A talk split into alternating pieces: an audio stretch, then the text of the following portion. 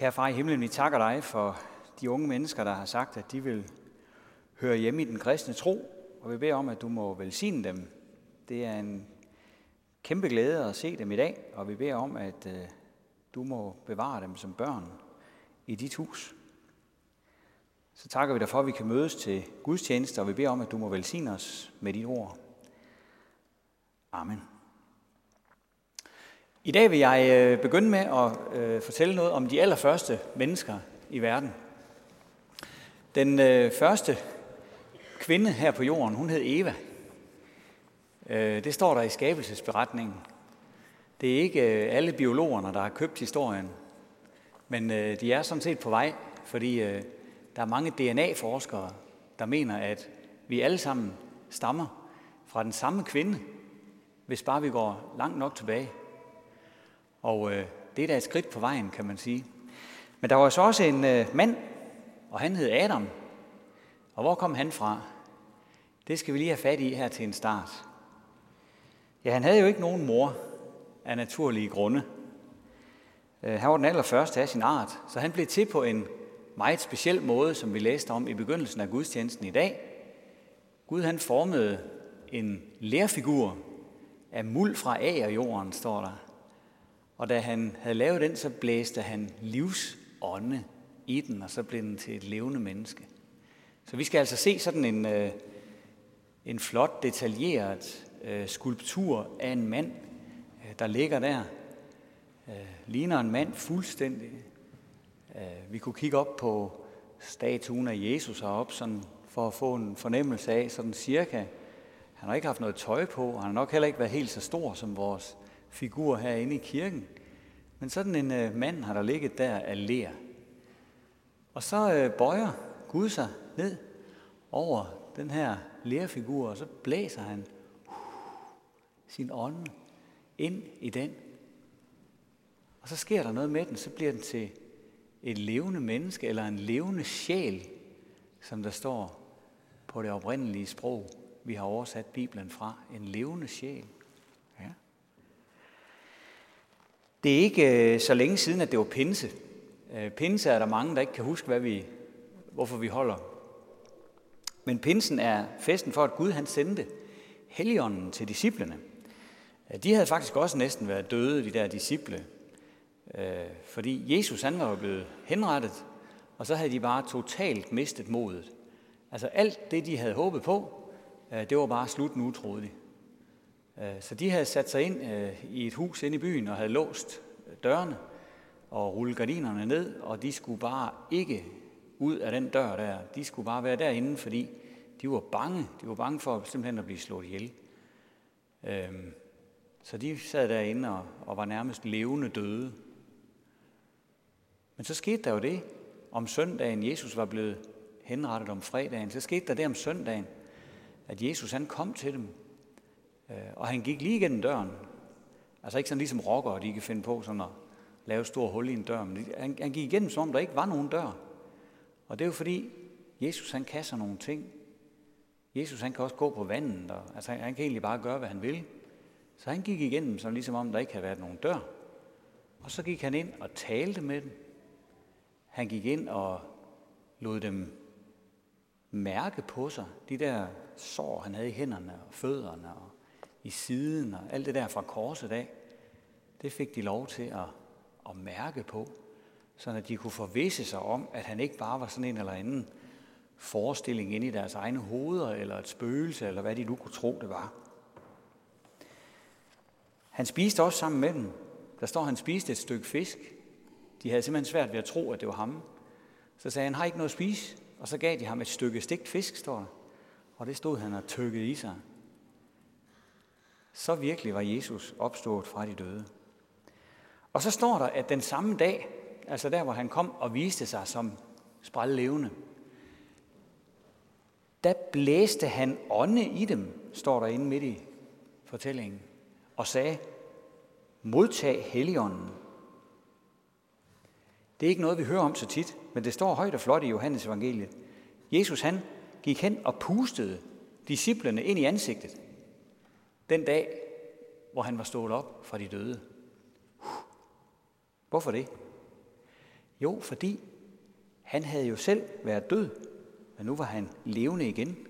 Og så ville han have, at der på en måde skulle ske det samme med dem. De skulle få lov til at få en ny start, en ny begyndelse. De skulle få lov til at starte på en frisk og få helt nye kræfter af ham. Sådan ligesom dengang Adam han blev skabt. Og før Jesus han vendte tilbage til himlen, så sagde han også, at Helligånden ville komme til dem en dag på en ganske speciel måde. Og det skete sådan, som han har sagt i Apostlenes Gerninger, der læste vi før, at da pinsedagen kom, var de alle forsamlet, og så kom der ligesom en lyd fra himlen, som er et vældigt vindstød eller åndepust. Man er ikke helt sikker på, hvordan det skal oversættes til dansk. Men sådan en lyd, ikke også? Og den kom ind i huset, hvor de var. Og så blev de alle fyldt af Helligånden. Der skete noget med dem. De blev frimodige. De begyndte at gøre det, som de bare ikke skulle røre ved før. Altså gå ud til mennesker og fortælle om Jesus, hvem han var og hvad der var sket, og han havde været død, og han var blevet levende igen, og han var verdens frelser. Alt det, de ikke havde kunnet gøre, det kunne de pludselig gøre, fordi Gud Fader i himlen selv åndede på dem, blæste på dem med sin gode vind. Så gik de ud i verden, og det er jo faktisk baggrunden for, at vi sidder her i dag til øh, konfirmation. Øh, det er sundt en gang imellem lige at stoppe op og sige, hvor kommer det hele egentlig fra? Jamen altså, det kommer derfra. Fordi øh, hvis ikke de havde fået den her kraft fra Gud til at gå ud i verden og gå i gang med at fortælle om Jesus og hvad der var sket, hvad han havde sagt og gjort, så havde vi jo aldrig hørt en bønne om kristendommen. Der var aldrig kommet nogen øh, til Norden, der var aldrig kommet nogen til Danmark, til Kolding, og havde fortalt om kristendommen. Vores kirke var aldrig blevet bygget. Øh, der har ikke været noget, der hed konfirmation. Øh, der var ikke nogen af os, der ville have anet noget som helst om kristendom og kirke og Jesus og tro og alt det der. Så det er meget vigtigt, det der skete der, at Gud på ligesom en overnaturlig måde gav dem kræfter og gav dem tro, så de kunne gå ud i verden og uden at blinke forkynde, at Jesus, han er verdens frelser. Tro på ham og hør så, hvad han har sagt og gjort. Det er også øh, baggrunden for, at øh, I konfirmander blev døbt en gang. Det er jo selvfølgelig samme historie. Der havde ikke været nogen kirke, ikke været nogen øh, døbefond. Øh, jeres forældre havde aldrig hørt et kvider om kristendom, og ville aldrig være kommet i tanke om at bære jer hen og få jer døbt, øh, hvis ikke det her det var sket. Og så er det også historien om jer selv, kære konfirmander. Sådan meget personligt historien om jer selv. For da I blev konfirmeret, lige for få minutter siden, så blev der jo bedt en bøn, endda med hånden på hovedet af jer og det hele, sådan at man kunne se, at nu er det, nu er det simpelthen dig, der bliver bedt for her. Ikke? Jeg kunne også have gjort sådan her, det ser ikke så stilfuldt ud, så vi lagde hånden på. Ja. Den bøn, den lød blandt andet sådan her. Den almægtige Gud, og Herres Jesu Kristi Far, som i dåben har genfødt dig ved vand og helligånd. Helligånd, det er Guds gode ånde, Guds gode ånd. På hebraisk, der øh, altså det der sprog, som, som Gammeltestamente, den første lange del af Bibelen, er skrevet på, der er ordet for ånde og ordet for ånd. Det er det samme ord. Når Gud han taler, så er hans ånde i ordene. Det kan vi også mærke, når vi siger noget, så kommer der noget ånde med ud. Når Gud taler, så følger hans ånde eller ånd også med hans ord ud. Og når vi holder dåb, så bliver det ord med Guds egen ånde eller ånd talt over jer, og så rykker Guds gode ånd ind i jer. Og hvorfor er det så vigtigt for Gud det med at komme til os med sin hellige ånd? Det er fordi han har givet os livet, og han vil være far for os.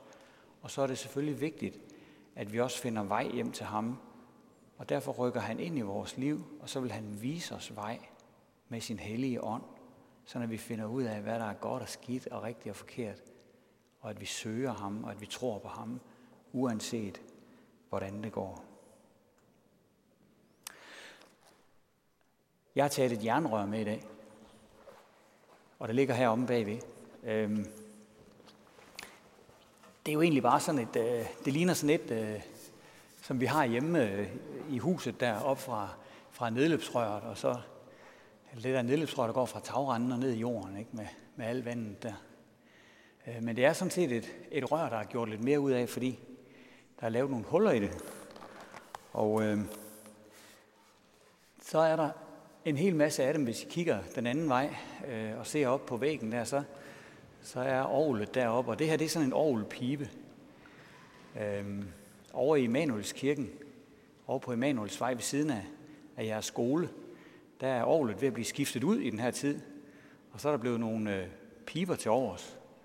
Så øh, jeg tog lige en med. Sådan et, øh, et jernrør her, det er jo ikke særlig charmerende. Det, øh, det kan ikke sådan rigtig noget. Måske kan det bruges som nedløbsrør, men, men så skal I bare høre, når der, når, der kommer, når der kommer noget luft i, så kan det lige pludselig noget.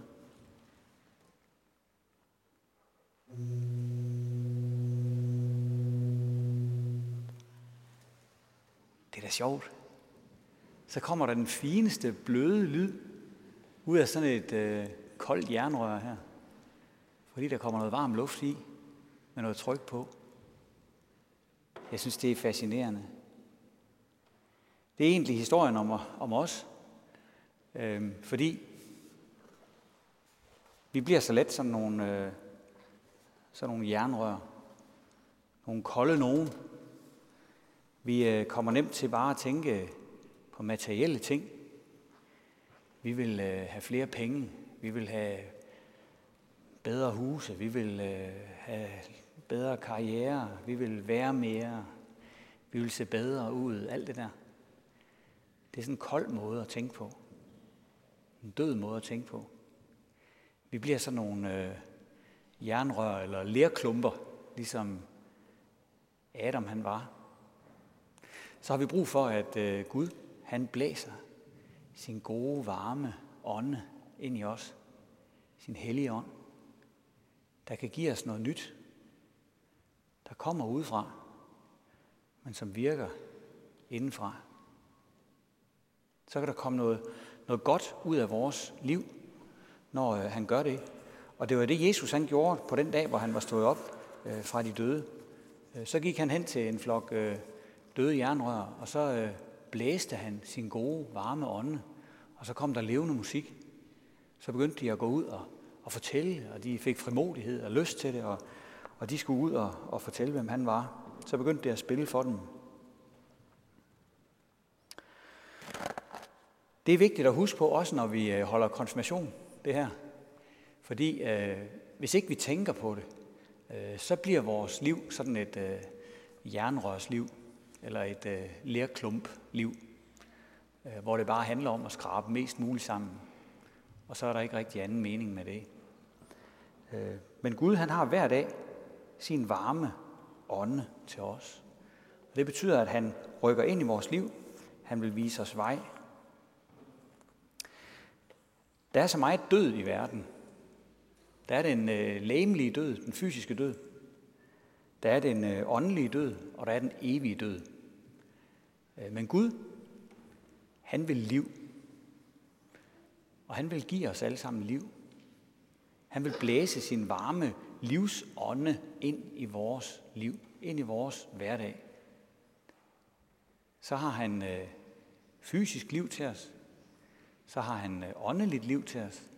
Så har han evigt liv til os. Han har simpelthen liv i rå mængder Gud. Så der er masser af liv at få. Og det er det bedste, som jeg kan ønske for jer, at I må lade Gud blæse sin gode ånde ind i jeres liv. Og øh, for at I skal huske det, så øh, har jeg lavet en aftale med Thomas, vores organist og kirkemusiker. Og han øh, vil simpelthen lige give jer en lille hilsen fra i dag, så at I kan huske det, jeg har sagt, forhåbentlig.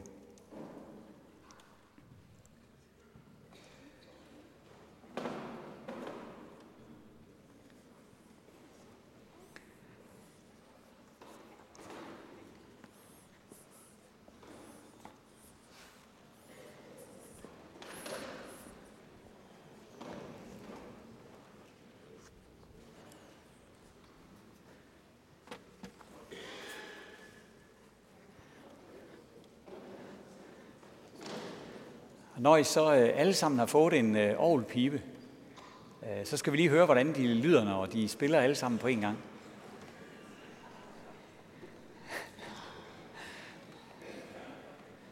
Så giver vi den lige fuld gas. Er I, øh, er I klar? Så siger jeg 1, 2, 3. Ja. 1, 2, 3, nu.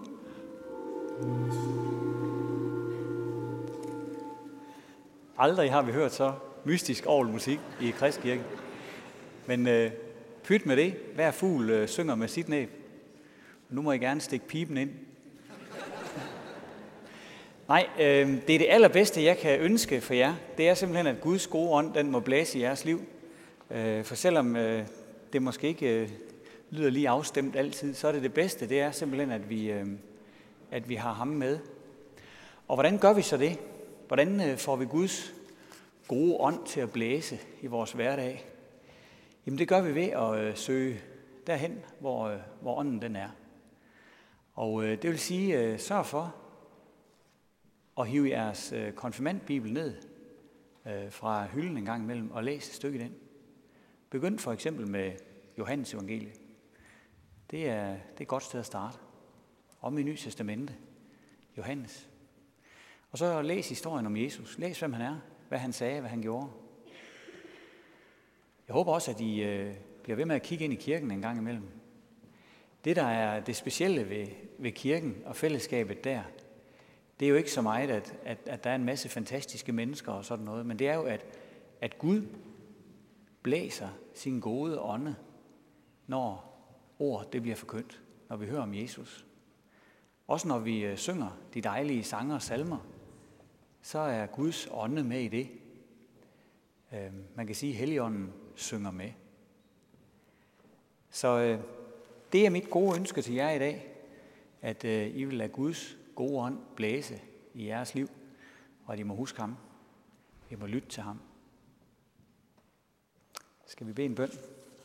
Kære far i himlen, vi takker dig, fordi øh, vi kunne få lov til at være med til konfirmationen i dag med sådan en masse dejlige unge mennesker, og vi beder om, at din gode ånd, den må følge dem i deres liv, uanset om det går op eller ned, at de så altid må stole på dig. Amen.